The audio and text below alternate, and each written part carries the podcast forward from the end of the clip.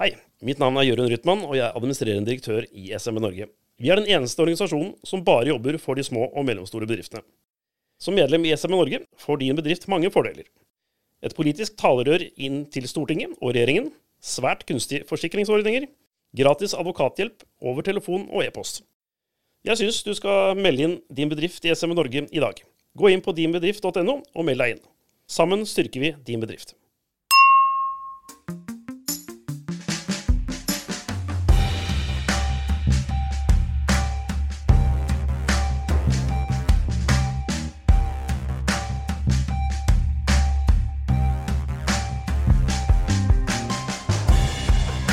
Hei og velkommen til SMB Norge-podkasten her i studio hos eh, SMB Norge i, i, Oslo, midt i Oslo sentrum. Og vår godeste Kristian Eilertsen han sitter litt fast oppe i Nord-Norge i, eh, i, noen møter, så da sitter bare med Klaus Jacobsen her, da. Men jeg har en meget eh, flott og ærefull gjest her i studio, og det er deg, Nikolai Skarning. Hei på deg.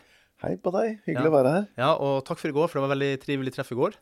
Veldig morsomt eh, julebord. Ja, og desemberkonferanse og masse flotte folk å, å, se og møte der i SMB Norge-regi. Det er alltid veldig trivelig. Veldig mange spennende mennesker å snakke med, medlemmer av SMB Norge og Gründerforeningen. Mm. Og, og, du har jo tilknytning til SMB Norge slash Gründerforeningen. Hvor lenge har du vært tilknytta SMB Norge? Du, Det har jeg vært i veldig mange år. Ja, Bedriftsforbundet tilbake til det? Bedriftsforbundets ja. mm. tid, og vi holdt på med havnene i Norge. Ja. Men det skal vi kanskje prate litt om etterpå. Ja, mm, mm. Men det er altså mange år tilbake i tid. Vi snakker vel helt tilbake til 2011-2012. Ja. Litt eh, om eh, deg, Nikolai. Du er jo da advokat med ja, møterett i Høyesterett siden ja. 2004? Stemmer. Ja. Jeg leste meg litt opp. Det var godt gjort at du husket det. ja, for jeg glemte å notere det, så jeg måtte tenke litt der. Men fortell litt om deg sjøl, Nikolai, bare som din bakgrunn. Og, du, jeg er jo fra Oslo. Mm.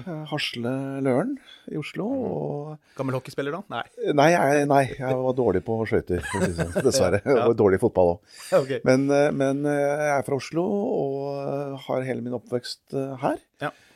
Og så har jeg da gått på jussen på 80-tallet, og er ja. ferdig da jurist i 90, og så begynte jeg å jobbe litt etter hvert da i Forsvarsdepartementet og sånt noe. Ja. Jobbet litt i Utenriksdepartementet, og så etter hvert så havnet jeg i Brussel, i EU-kommisjonen. Ja. Så ble det jo folkeavstemning der i 94, ja. som da stemte bl.a. meg altså hjem igjen til Norge. Ja. Det er nok mange som angra på etterpå. Ja. Eh, og så begynte jeg da som dommerfullmektig i Larvik. Og etter det igjen eh, advokat i NHO i mange år.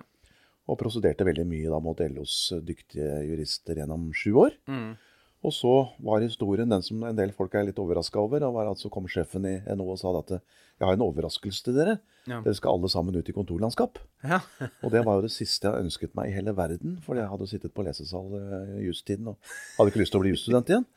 Så, så, da sa jeg bare ålreit, ja. da slutter jeg her. Og så ble jeg da partner i et advokatfirma. Og etter det så har jeg da holdt på som privatpraktiserende advokat. Ja, Det er Kvale du gikk rett i? Nå uh, jobber jeg i Kvale. Ja. Først var jeg noe som het Bull Co., og så okay. også Kvale. Uh, og har da vært leder av arbeidslivsavdelingen gjennom uh, mange år. Mm, mm. Ung og sprek advokat. Ja, jeg vet ikke hvor ung og sprek jeg er lenger, men jeg føler meg i hvert fall fortsatt veldig ungdommelig. Ja, og det er faktisk noe av det viktigste vi har med oss. ja. Høyesterettsmøterett, hvor mange høyesterettssaker har du møtt i da? Jeg har møtt i ni saker. Ja. Så det er ganske sjeldent, ikke det? Jo, det er litt sjeldent. Og min gamlesjefen min i NHO han, vært, han, var så stolt over at han hadde vært i Høyesterett ti ganger. Ja. Mm. Så jeg håper liksom jeg kan slå han, da. Ja, ja, ja du har lang, lang tid igjen da. jeg håper han. Ja, du eh, Nikolai, hvis man går på ark.no, så finner man jo forfatteren eh, Nikolai Skarning med åtte titler, selvfølgelig mest arbeidsrett. Ja. ja. Når kommer nærings-juss-livskrimroman? Når kommer den?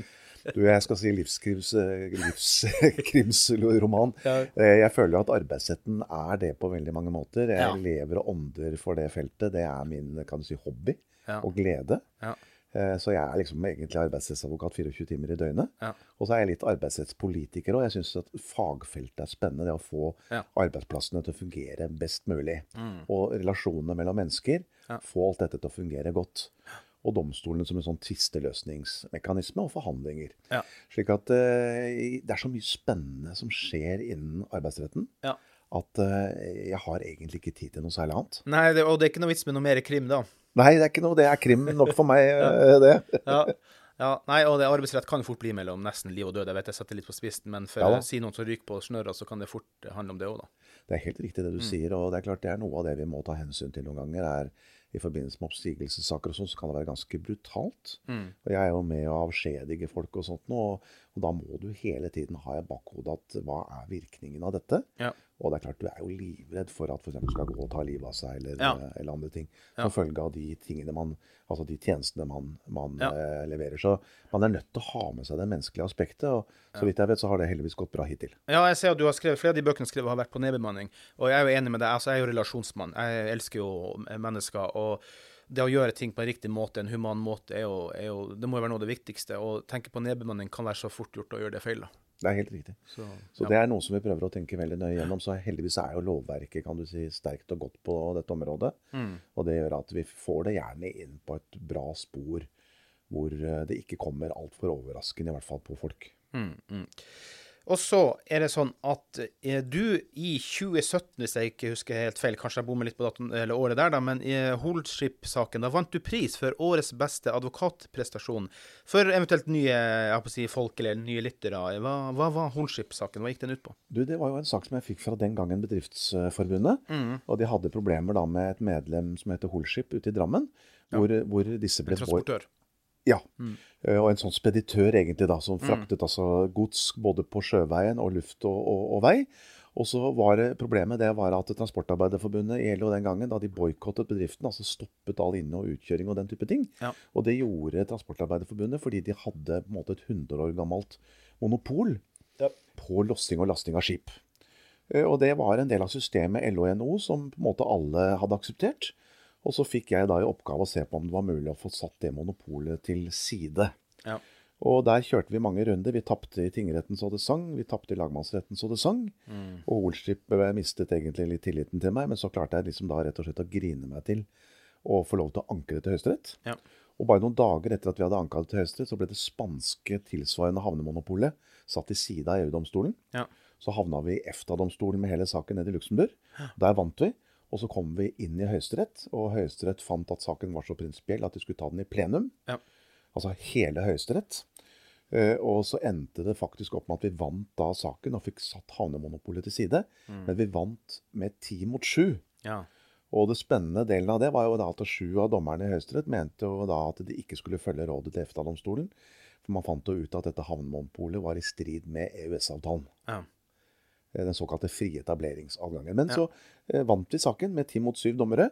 eh, Og det gjorde da at i dag så er det da fritt når det gjelder lossing og lasting. Så det kan på en måte hvilke som helst, også masse medlemmer av SMB Norge, starte den type losse- og lastetjenester. Men selvfølgelig innenfor et, et strengt lovverk med sikkerhet osv. Så det skal være på plass. Ja. Men det ble jo da en stor eh, seierssak, og det var bra. Det eneste jeg hørte du sa i går, da, at det var så dumt at alle de damene i Høyesterett var ikke like enig. Ja, jeg eh, så jo meg sjøl i speilet og tenkte jeg er ikke den kjekke mannen som jeg kanskje en gang trodde jeg var. Jeg konstaterte jo det at omtrent praktisk talt alle damene i Høyesterett stemte imot Ja. eh, oss. Nei, man må ta, må, you win some, you lose men saken var viktig, og du, du vant den, da. Og nå så er saken, og den vi skal snakke om nå, da, det er jo da Rammegård-saken mot skatteetaten og i Høyesterett. Og du var eh, 16. Fem dager var satt av. Er det vanlig? Er det mye? Er det lite? Det, det, er mye, det er veldig mye. Vanligvis er det bare én til to dager. Høyesterett er en ganske skriftlig domstol, selv om det er muntlig der. Ja. Muntlig prosedyre, så er det en skriftlig, veldig langt på vei en skriftlig domstol. Og, og det er da vanlig mer med én til to dager. Så dette var veldig spesielt at Høyesterett satte av hele fem dager. Ja, ja. Og det er da på vegne av medlemmet Petter Olsen, som da både via Ramme Gård og Ramme Eiendom er medlem både i SMB Norge og, em, og Gründerforeningen. At du på en måte var advokat og partshjelp her. og Det er helt riktig. Og SMB. Norge var veldig opptatt av å engasjere seg, og det var Norges Gründerforening også, for de var veldig engstelige for hva som skulle skje hvis Petter Olsen taper denne saken i Høyesterett. Mm. Så er man jo veldig engstelig for at det kan være veldig skadelig for alle landets gründere. Mm. Selv om Petter Olsen er i en spesielt sterk økonomisk posisjon, eh, og da utypisk for norske gründere, så er han likevel også en gründer som har bygget opp noe fantastisk i Hvitsten. Ja. Hvitsten er jo egentlig Fred Olsens eh, arnested, altså rederiet. Kommer fra Hvitsten. Det er jo en praktfullt sted liksom, på andre siden av Hurumlandet, like utenfor Drøbak. Og det er et paradis, og der lå jo seilskutene opplagret, holdt jeg på å si. Ja. Oppankret i seilskutetiden, og så eh, bygget jo Fred Olsens rederi seg opp der. Og så er jo da Petter Olsen fra også har tilknytning til stedet. Og så har jo han da besluttet å, å bygge ut en virksomhet der med, med, masse arbeidsplasser, masse kunst. Edvard Munch eide et hus ved vannet der som heter Munkerammet fra 1911 til 1944. Mm. Han malte mange av sine mest berømte malerier eh, der nede. Mm. Det er fantastiske lysforhold. Men det er, altså Hvitsten er et ganske dødt sted. Det er liksom ikke en kiosk der engang. Nei. og det er ikke en gjestehavn som jeg syns er trist når jeg kjører forbi med min lille 20-foter. Ja.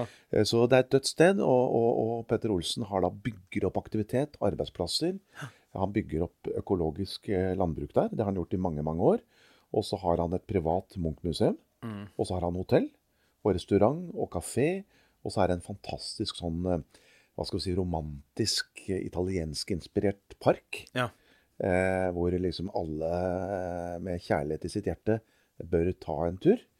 Fordi det er omtrent som å være da nede på, på Capri, for å si det sånn. Ja. Det er liksom italiensk stemning, og det er fontener, og det er masse flotte ting. Ja. Så han har bygget opp noe helt fantastisk der. Men så har det kosta mye penger. Ja. 1,2 milliarder eller noe sånt. Ja, han planer å bruke 1,5 samla, men han var jo Ja. såpass heldig, hvis det er lov å si, at han hadde et skrik han kunne selge for 700 millioner, som han brukte inn i, i, i prosjektet her, da. Men en, eh, det kan jo ikke en være, da, og vi skal komme tilbake på det med, de- med de små, hvordan det her kan skape presedens, dessverre. Ja. Men, eh, men, men hva er saken? Hvorfor har det blitt strid ut av det her, da? Saken er at eh, han har jo bygget opp eh, dette kan du si, gjennom eh, 2000-tallet, for å si det sånn. Særlig 2012 og utover. Eh, og så, det som har skjedd, er at eh, i 2019 så eh, varslet skattekontoret at eh, de skulle se på ligningen eh, for Ramme gård i Hvitsten på nytt. Og så kom de da til at eh, han hadde måtte, brukt altfor mye penger. Og de sa som så at uansett hva du tjener av leieinntekter, eh, billettinntekter osv., så, videre, så kommer dette aldri til å gå med overskudd. Og når ikke dette noensinne kommer til å gå med overskudd, så driver ikke du med næring, sier de til Petter Olsen. Og dermed får du ikke fradrag for all inngående momsen. Det er altså 25% på planker og murstein og, og tjenester. Eh, Og du får heller ikke noe fremførbart underskudd på det på en måte du har tapt de første årene. Og dette overrasket selvfølgelig Petter Olsen veldig, for at han har jo hele tiden ment at dette skal være et, eh, et sted med stor økonomisk eh, aktivitet. Han har jo selvfølgelig ønsket å bruke også litt av sin skal vi si, familiearv, eh, Ja. Munch-malerier og sånt, og ha et flott sted. Ikke bare for seg sjøl og sin familie, Nei, men for, for, allmennheten, ja. for Mm. allmennheten. ikke sant? Men så er nok skattekontoret de har nok da irritert seg over at han har brukt så mye penger, for å si det på en litt sånn folkelig måte. Ja. Og det gjør at de sier at du får ikke noe fradrag. Og dette dreier seg da i første omgang om 150 millioner kroner, så det dreier seg om mye penger. Ja. Men det har selvfølgelig også betydning for framtida. Ja. Så saken eh, endte der, og så tok han saken inn for Oslo tingrett. Mm. Der vant han fram. Oslo tingrett sa at denne, denne ligningsbehandlingen, hele skattebehandlingen her, er feil. Ja. Bygger på feil premisser. Det er feil å kreve avkastning. Skattekontoret sa bl.a. at vi må kunne kreve av deg 6,4% avkastning på kapitalen. Ja. Og når vi krever det, eh, så ser vi at du kommer aldri i nærheten av en sånn avkastning. Nei, oljefondet 5,8. Ja, ikke sant? Så, så vi er på absurde Det, er- det er absurd, debatt. fordi man krever altså noe mer enn det til og med profesjonelle oljefondet klarer. ja. mm. Under Nicolai Tangen, ikke sant? Så, så det er helt absurd. eh, Og så er man jo da livende redd for at disse kravene også blir, blir stilt til alle landets gründere. Ja. Og i, i sommer så var jo du med oss også på, eh, på Arendalsuka, og da under tema 'Hvem skal avgjøre' Du husker ikke helt tittelen. Hvem skal avgjøre om, om, om det er næringsverdig du driver? Skal det være næringen eller bedriften sjøl eller skatteetaten? Kanskje ikke helt riktig. Jo, nei, men Det er helt riktig som du sier. Ja. Og, og vi legger jo til grunn der at eh, når en skal vi si, vanlig gründer i Norge låner, sånn som veldig mange gründere gjør, de låner penger på hus og hytta si, Ja. Eh, de pantsetter osv., og, så videre, og de setter alt de kan av oppsparte midler osv. Når de setter i gang med den type virksomhet, så sier vi at da må skattekontoret legge det til grunn, og ikke begynne å overprøve gründeren. Nei. For det er ingen som kan overprøve gründeren, for det er ingen som vet om har, er dette prosjektet liv laga eller ikke. Det vet vel strengt tatt ikke gründeren heller. Nei. Men Norge trenger gründere. Norge trenger folk som ser på klimakrisen, som ser på eh, elektriske ting, se på energiforsyning, se på medisiner. Og da er det altså slik at mange prosjekter vil ikke fungere. Nei. Og noen få prosjekter overlever. Og vi ønsker som samfunn at det skal gro opp masse gründervirksomhet. For det er det som skal vi si, øker samfunnet, som utvikler samfunnet videre. Ja. Og da må vi bare innse at noen gründerprosjekter ikke går bra. Men hvis skattekontoret begynner å stille krav om avkastning Ja. i den størrelsesorden mer enn oljefondet, så kan, kommer jo ikke gründeren engang i gang. Nei. Det er jo dødfødt. stopper, ja. de, de stopper dette prosjektet med en gang. Ja. Og så er det en ting jeg reagerer på også er det jo det at, eh, at det at Petter Olsen er formuende, mener jeg skal ikke holdes mot han. Han gjør jo en antropologisk tjeneste her til samfunnet, som du sier, det er ganske stille ellers på Hvitsten. Men det må jo være veldig mange som f.eks. og internasjonalt kunne tenkt seg å møte et av Edvard Munchs eh, gamle hjem, liksom. Så det må jo være noe som Det er jo litt sånn antropologisk over det hele, og så skal du bli straffa for at du har lyst til å gi, å gi noe tilbake til samfunnet. Det blir feil. jeg synes det er veldig interessant det du er inne på der. For at man skulle tro, liksom sånn som samfunnet er i Norge i dag, Mm. så skulle man jo tro at man egentlig ønsker alle, at alle milliardærene skal flytte til Lugano i Sveits. Ja. Ikke sant? Det, det er det inntrykket man får. Det er på en måte, Man oppsetter grupper eh, i samfunnet opp mot hverandre nå. Mm. Eh, Og det er veldig synd, for at vi skal ta vare på også de menneskene som ønsker å investere i landet vårt. Ja. Det har noe med ungene våre å gjøre også. At de skal kunne få lov til å få tilbud om ikke, At ikke alle sammen bare skal begynne å jobbe i kommunen. Nei. Det skal også være noen andre arbeidsplasser i Norge enn bare i stat og kommune. Ja. Og da må vi tillate at vi også har private investorer som prøver å utvikle ting. Og det Petter Olsen gjør i Hvitsten, er egentlig helt fantastisk. Ja. Det er et unikt sted. Jeg har vært der flere ganger. Og eh, for å si det sånn, det, det, det fyller deg med stolthet Ja. over, over Edvard Munch og hva han gjorde for eh, landet vårt. Han ga jo hele samlingen sin til eh, Oslo kommune. Mm. Og hvilke muligheter det er også i Hvitsten, med at du kan da kjøre båt fra eh, Munch-museet i Oslo og ut da etter hvert til Hvitsten og få en brygge der ute. Så kan du også dra og besøke da Munchs, eh, et av Munchs hus, ikke sant? Mm. Åsgårdstrand er jo et annet sted. Her er det masse muligheter for å dra masse mennesker til Norge, og skape også masse spennende arbeidsplasser i Norge. Mm. Og det håper vi også at eh, dere som er lyttere jeg har litt gründerspire i magen og ønsker å satse videre, så eh, gjør som min gode mann Jørund Rytman eh, sier her en liten reklame fra oss SMB Norge. Hei, mitt navn er Jørund Rytman, og jeg er administrerende direktør i SMB Norge. Vi er den eneste organisasjonen som bare jobber for de små og mellomstore bedriftene. Som medlem i SMB Norge får din bedrift mange fordeler. Et politisk talerør inn til Stortinget og regjeringen, svært kunstige forsikringsordninger, gratis advokathjelp over telefon og e-post. Jeg syns du skal melde inn din bedrift i SMB Norge i dag. Gå inn på dinbedrift.no og meld deg inn. Sammen styrker vi din bedrift. Ja, gjør som min gode mann Jørund Rytman sier der. Meld deg inn i eh, SMB Norge på dinbedrift.no. For en meget beskjeden eh, sum penger så får du ja, masse flotte fordeler. Blant annet å høre oss prate her med Nikolai. Det er en fordel. Eh, Ja, takk for det. Og så kan jeg også kanskje skryte litt av at SMB Norge har jo veldig gode juridiske tjenester. Mm. Eh, Vi har Hedvig Svardal som tar de daglige tingene, Ja. og så har du kontakt med både hos oss og for så vidt andre også, som Mm. gjør at eh, det står egentlig et kobbel av advokater til å bistå medlemmene av eh, SMB Norge. Ja, og dessverre så er jo faktum eh, det, Nikolai, at veldig ofte så har bedrifter og små bedrifter behov for det, men ikke alltid tar seg råd til det. Og det er det som er det fint å være medlem for en rimelig penge SMB Norge, ved å faktisk få tilgang på det. Ja, på en annen prisnivå, rett og slett. Ja, det er riktig. Det er er reduserte priser. Og her kan du også ta kontakt gratis, faktisk, på på den Mm. første delen av medlemsservicen. Og veldig ofte så er det sånn med juss at eh, hvis du tar fatt i problemene tidlig, Mm. så slipper du problemer etterpå som koster masse penger. Ja, og, og det kan hende at du, det er nok. Du kan da få av en advokat på seg Jeg tror ikke det her er noe for deg å gå videre med, eller ja, gå videre. Da har du sluppet å dra på deg masse kostnader hvis du hadde, hadde en tapt sak likevel. Da. For noen har jo det, selvfølgelig. Sånn sånn skal du være. Rett er rett, sant? Og, og galt er galt. Så. Men det er godt tilbud, i hvert fall. Ja. Ja. Du, i eh, Ramme Gård-saken så, eh, så uttalte jo også eh, Jørund Rytman, tidligere administrerende direktør her i SEB Norge, at dette er en veldig prinsipiell sak som i bunn og grunn handler om retten til å sjøl bestemme hvilke prosjekter man ønsker å investere i. Og det er svært mange prosjekter i dag som man vil eh, anse som vellykka, men som ikke hadde vært uh, mulig å realisere hvis man skulle følge den tråden som skatteetaten ønsker å følge her i forhold til Ramme gård. Og det igjen er jo næringsfiendtlig i den forstand at hvis vi skal ta bort ideen om å skape gründervirksomhet fordi at skatteetaten skal så strenge altså det her med eh, tilbake på hvor du skal tjene og så videre, det, det, det, rammer så mye.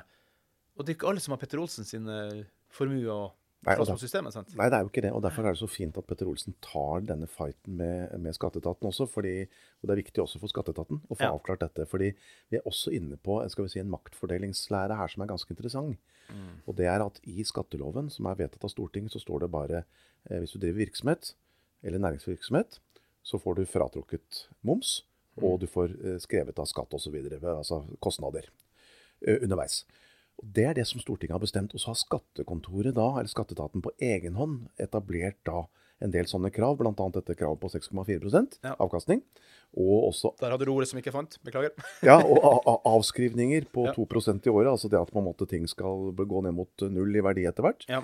Men der tar de heller ikke hensyn til verdistigningen på eiendommen, så vi er også uenig i det. Ja. Og du kan si Skattekontoret gjør jo selvfølgelig dette ut ifra sine kontrollbehov. Så vi kan forstå Skattekontoret at de har, er satt til å kontrollere skatten. Og alle skal betale sin skatt, og helst med glede. Og det er vi også helt tilhengere av. Mm. Men skattekontoret blir litt for overivrige i sin kontroll her. Ja. Vårt poeng, og som jeg også sa til Høyesterett under prosedyren, er at eh, hvis man hadde gått til Stortinget og sagt at vi skal legge 6,4% avkastningskrav på alle gründerprosjekter i Norge, så ville Stortinget sagt, helt sikkert sagt nei til det. Mm. Da ville vi fått en demokratisk diskusjon i Norges storting og Stortinget ville helt sikkert sagt nei til det. Mm. Og Det er derfor jeg også sier til Høyesterett, og derfor også Høyesterett sier nei til skatteetaten, når de bare ut ifra sine byråkratibehov kommer med denne typen krav. Mm, mm. Og eh, skal hoppe litt eh, frem og tilbake her, for du hadde et annet poeng som jeg vil følge opp da, med, med det å kunne være den svake parter. da, Men som også Dag Svanstrøm, som er styreleder i Norges Gründerforening, eh, har uttalt her tidligere, som også er en del i, i saken her, da, at hvis dommen blir stående, så gir det saksbehandlere i forvaltningen en farlig stor makt til å påvirke hvilke prosjekter som blir realisert eller ikke i norsk næringsliv. Og det mener man at uh, man, de ikke skal ha. Og her er en, um, det er en, um, en, problemstilling som jeg syns er veldig vanskelig. Fordi å møte systemet hvor ting skal tolkes i utgangspunktet likt, sånn skal det liksom være, men fortsatt så er det sånn Avhengig av hvem som tar telefonen når du ringer, eller hvem som svarer mailen din, så sitter mennesket med så stor makt at to like saker kan få lik, det ulikt utfall, og det er livsfarlig. Det er jeg enig med deg og det er derfor vi sier, sa også til Høyesterett, og håper vi får Høyesterett med på, at den makta skal du ikke gi til skattekontoret. Nei. De skal ikke ha rett til å overprøve dette med overskuddsevne.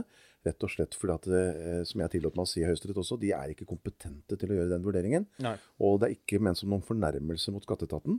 Jeg er heller ikke kompetent til å gjøre den vurderingen, og det er vel andre mennesker heller ikke være.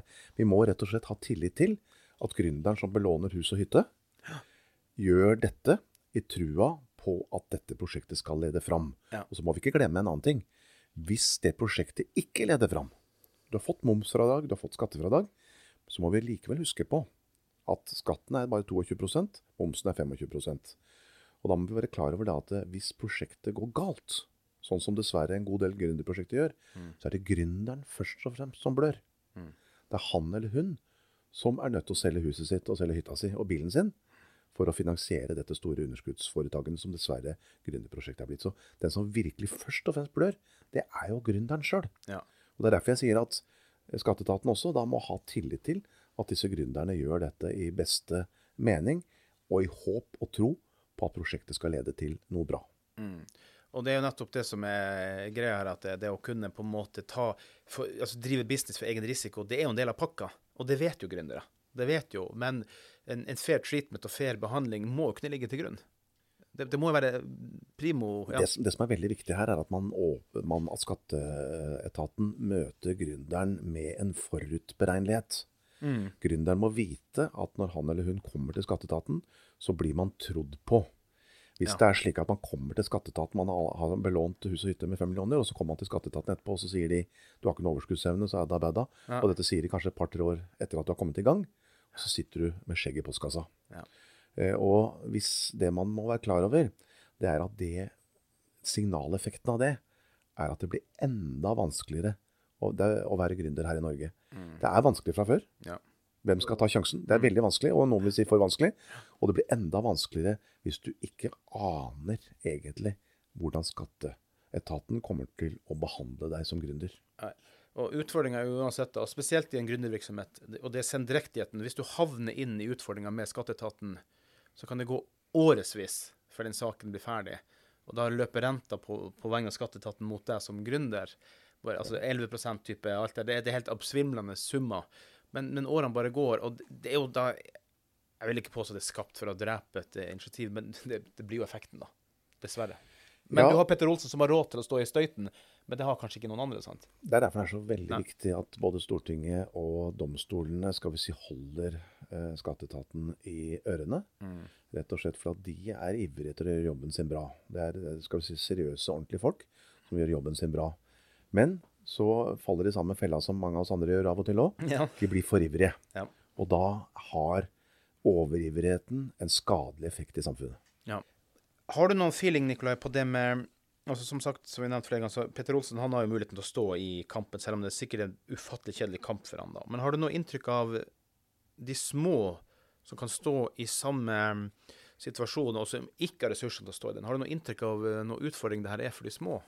Ja, jeg er jo veldig engstelig for at dette vil ta knekken på mange små gründere. Mm. Og bare den usikkerheten som er skapt gjennom denne rammegårdssaken, tror jeg kan ha ødelagt allerede for mange gründerprosjekter i Norge. Ja. Så jeg håper jo inderlig at uh, Petter Olsen vinner saken sin i Høyesterett. Og hvis han ikke gjør det, så håper jeg i hvert fall inderlig at Høyesterett i hvert fall da kommer med noen uttalelser som skjermer gründerne for øvrig i Norge. Ja, Som ikke skaper en presedens, at nå kan skatteetaten gå etter alle, liksom. Ja, så hvis Petter Olsen skulle tape dette, eh, så er det i hvert fall veldig viktig at Høyesterett kommer med noen uttalelser som gjør at ikke dette skaper presedens i forhold til de ordinære gründere i Norge. Ja. Og så disse fem dagene du satt da i eh, Høyesterett. Har du en hunch på hva er feelingen? Hvordan, hvordan, følte du at det gikk? Føler du noen forståelse, eller føler du at eh, mastodonten står imot, eller hva sitter du igjen med, med feeling etter å ha vært der? Da skulle jeg veldig gjerne sagt til deg uh, at jeg sitter med en veldig god feeling. Ja. Men uh, mange år som advokat har lært meg at uh, man skal være forsiktig med å skal vi si, si det ene eller det andre. Jeg må vel være rett og slett ærlig med deg og si at jeg er usikker ja. på hvordan dette kommer til å gå. Jeg, når det gjelder Petter Olsen, så vet jeg ikke hvordan det kommer til å gå. Når det gjelder de, de vanlige gründerne, altså det som vi kom med av budskap til Høyesterett på vegne av Norges gründere og SMB Norge, ja. så har jeg eh, enda større tro på at det vil gå bra. Altså at Høyesterett er med oss på det. Ja. Jeg har troa på det. Men akkurat når det gjelder Petter Olsens sak, så er jeg mer usikker på hvordan det kommer til å gå med han. Jeg håper han vinner. Ja. Men han er vel ikke en mann til å gi opp? Har han noe muligheter videre? Nei, Nei. Han, han, har ikke det. altså. Nei. Så vi får bare håpe at han da ikke flytter til Lugano, han også, hvis han taper. Ja, det er vel veldig synd hvis ingen skal ta vare på disse gamle praktbyggene i uh, Hvitsten. Det, det ville vært dumt for, uh, for storsamfunnet og etterfølgerne, i, de som skal komme og se på det vakre, vakre, vakre landstedet. Ja, da, jeg, og jeg tror det stedet også har veldig stort potensial òg. Fordi at uh, det, er, det, er, en stor eiendom. Det går an å gjøre enda mer der. Det går an å putte enda mer bilder inn der osv. Så, videre. så dette kan bli et uh, Det er et fantastisk sted i dag, det kan, men det kan også videreutvikles enda mer. Mm. Og det kan bli rett og slett et sted hvor folk reiser fra Japan, er jo veldig glad i Munch, ja. og en del andre land. De kommer til å sette seg på fly til Norge, både for å reise på Munch-museet i Oslo, men også da for å kunne hive seg opp i en eh, båt. Kanskje man kunne hatt en eller annen form for seilskute, han har sagt. Ja, ja, Ikke sant? Litt artig med, fra gamle dager. Og så reist da ut til uh, Hvitsten og lagt til der. Fått et lite glass på, på brygga. Og så gått opp og sett på også en masse av disse Munch-maleriene som Petter Olsen har i kjelleren mm. eh, på Rammegård. Nei, Det er jo et fantastisk prosjekt han har der uh, ute. Og dom er da venta ca. før jul? Vi regner jo med at ikke Høyesterett vil ha med seg denne saken på, på fjellet, for å si det sånn, i, i, jula. Så vi, vi, regner jo med at Høyesterett kommer til å avgjøre denne saken nå før julaften. Ja, ja. Og Da gjenstår det å se Nikolai Skarning, hvilken vei Høyesterett vil peke ut. Er det frihet for næringslivet og gründere som vil satse, eller er det mer statlig styring og bestemmelse? Det, det blir spennende å se hvor de, hvor de, lander. Vi venter i stor spenning, og jeg tør eh, nesten ikke eh, se posten hver dag, holdt jeg på å si, hva som kommer, fordi dette er veldig spennende. Ja. Tusen takk Nikolai, for at du hadde tid til å ta en prat eh, med oss eh, her nå i dag. Vi vil anbefale absolutt alle der ute til å gå på dinbedrift.no. Følg oss der, les der, gå på Facebook eh, rundt omkring. og eh, Registrer deg opp som eh, SMB Norge-medlem, fordi der er det masse store, flotte innkjøpsfordeler og i det hele tatt som er tilgjengelig for deg der. Vi håper virkelig at du vil være med på laget. Tusen, tusen takk Nikolai for praten vi hadde nå. Det var godt å høre fra deg. Løp og meld dere inn, kan jeg få lov å si det, Klaus? Det kan du absolutt. Takk, takk for i dag. Hei, mitt navn er Jørund Rytman, og jeg er administrerende direktør i SMB Norge. Vi er den eneste organisasjonen som bare jobber for de små og mellomstore bedriftene. Som medlem i SMN Norge får din bedrift mange fordeler. Et politisk talerør inn til Stortinget og regjeringen, svært kunstige forsikringsordninger, gratis advokathjelp over telefon og e-post. Jeg syns du skal melde inn din bedrift i SMN Norge i dag. Gå inn på dinbedrift.no og meld deg inn. Sammen styrker vi din bedrift.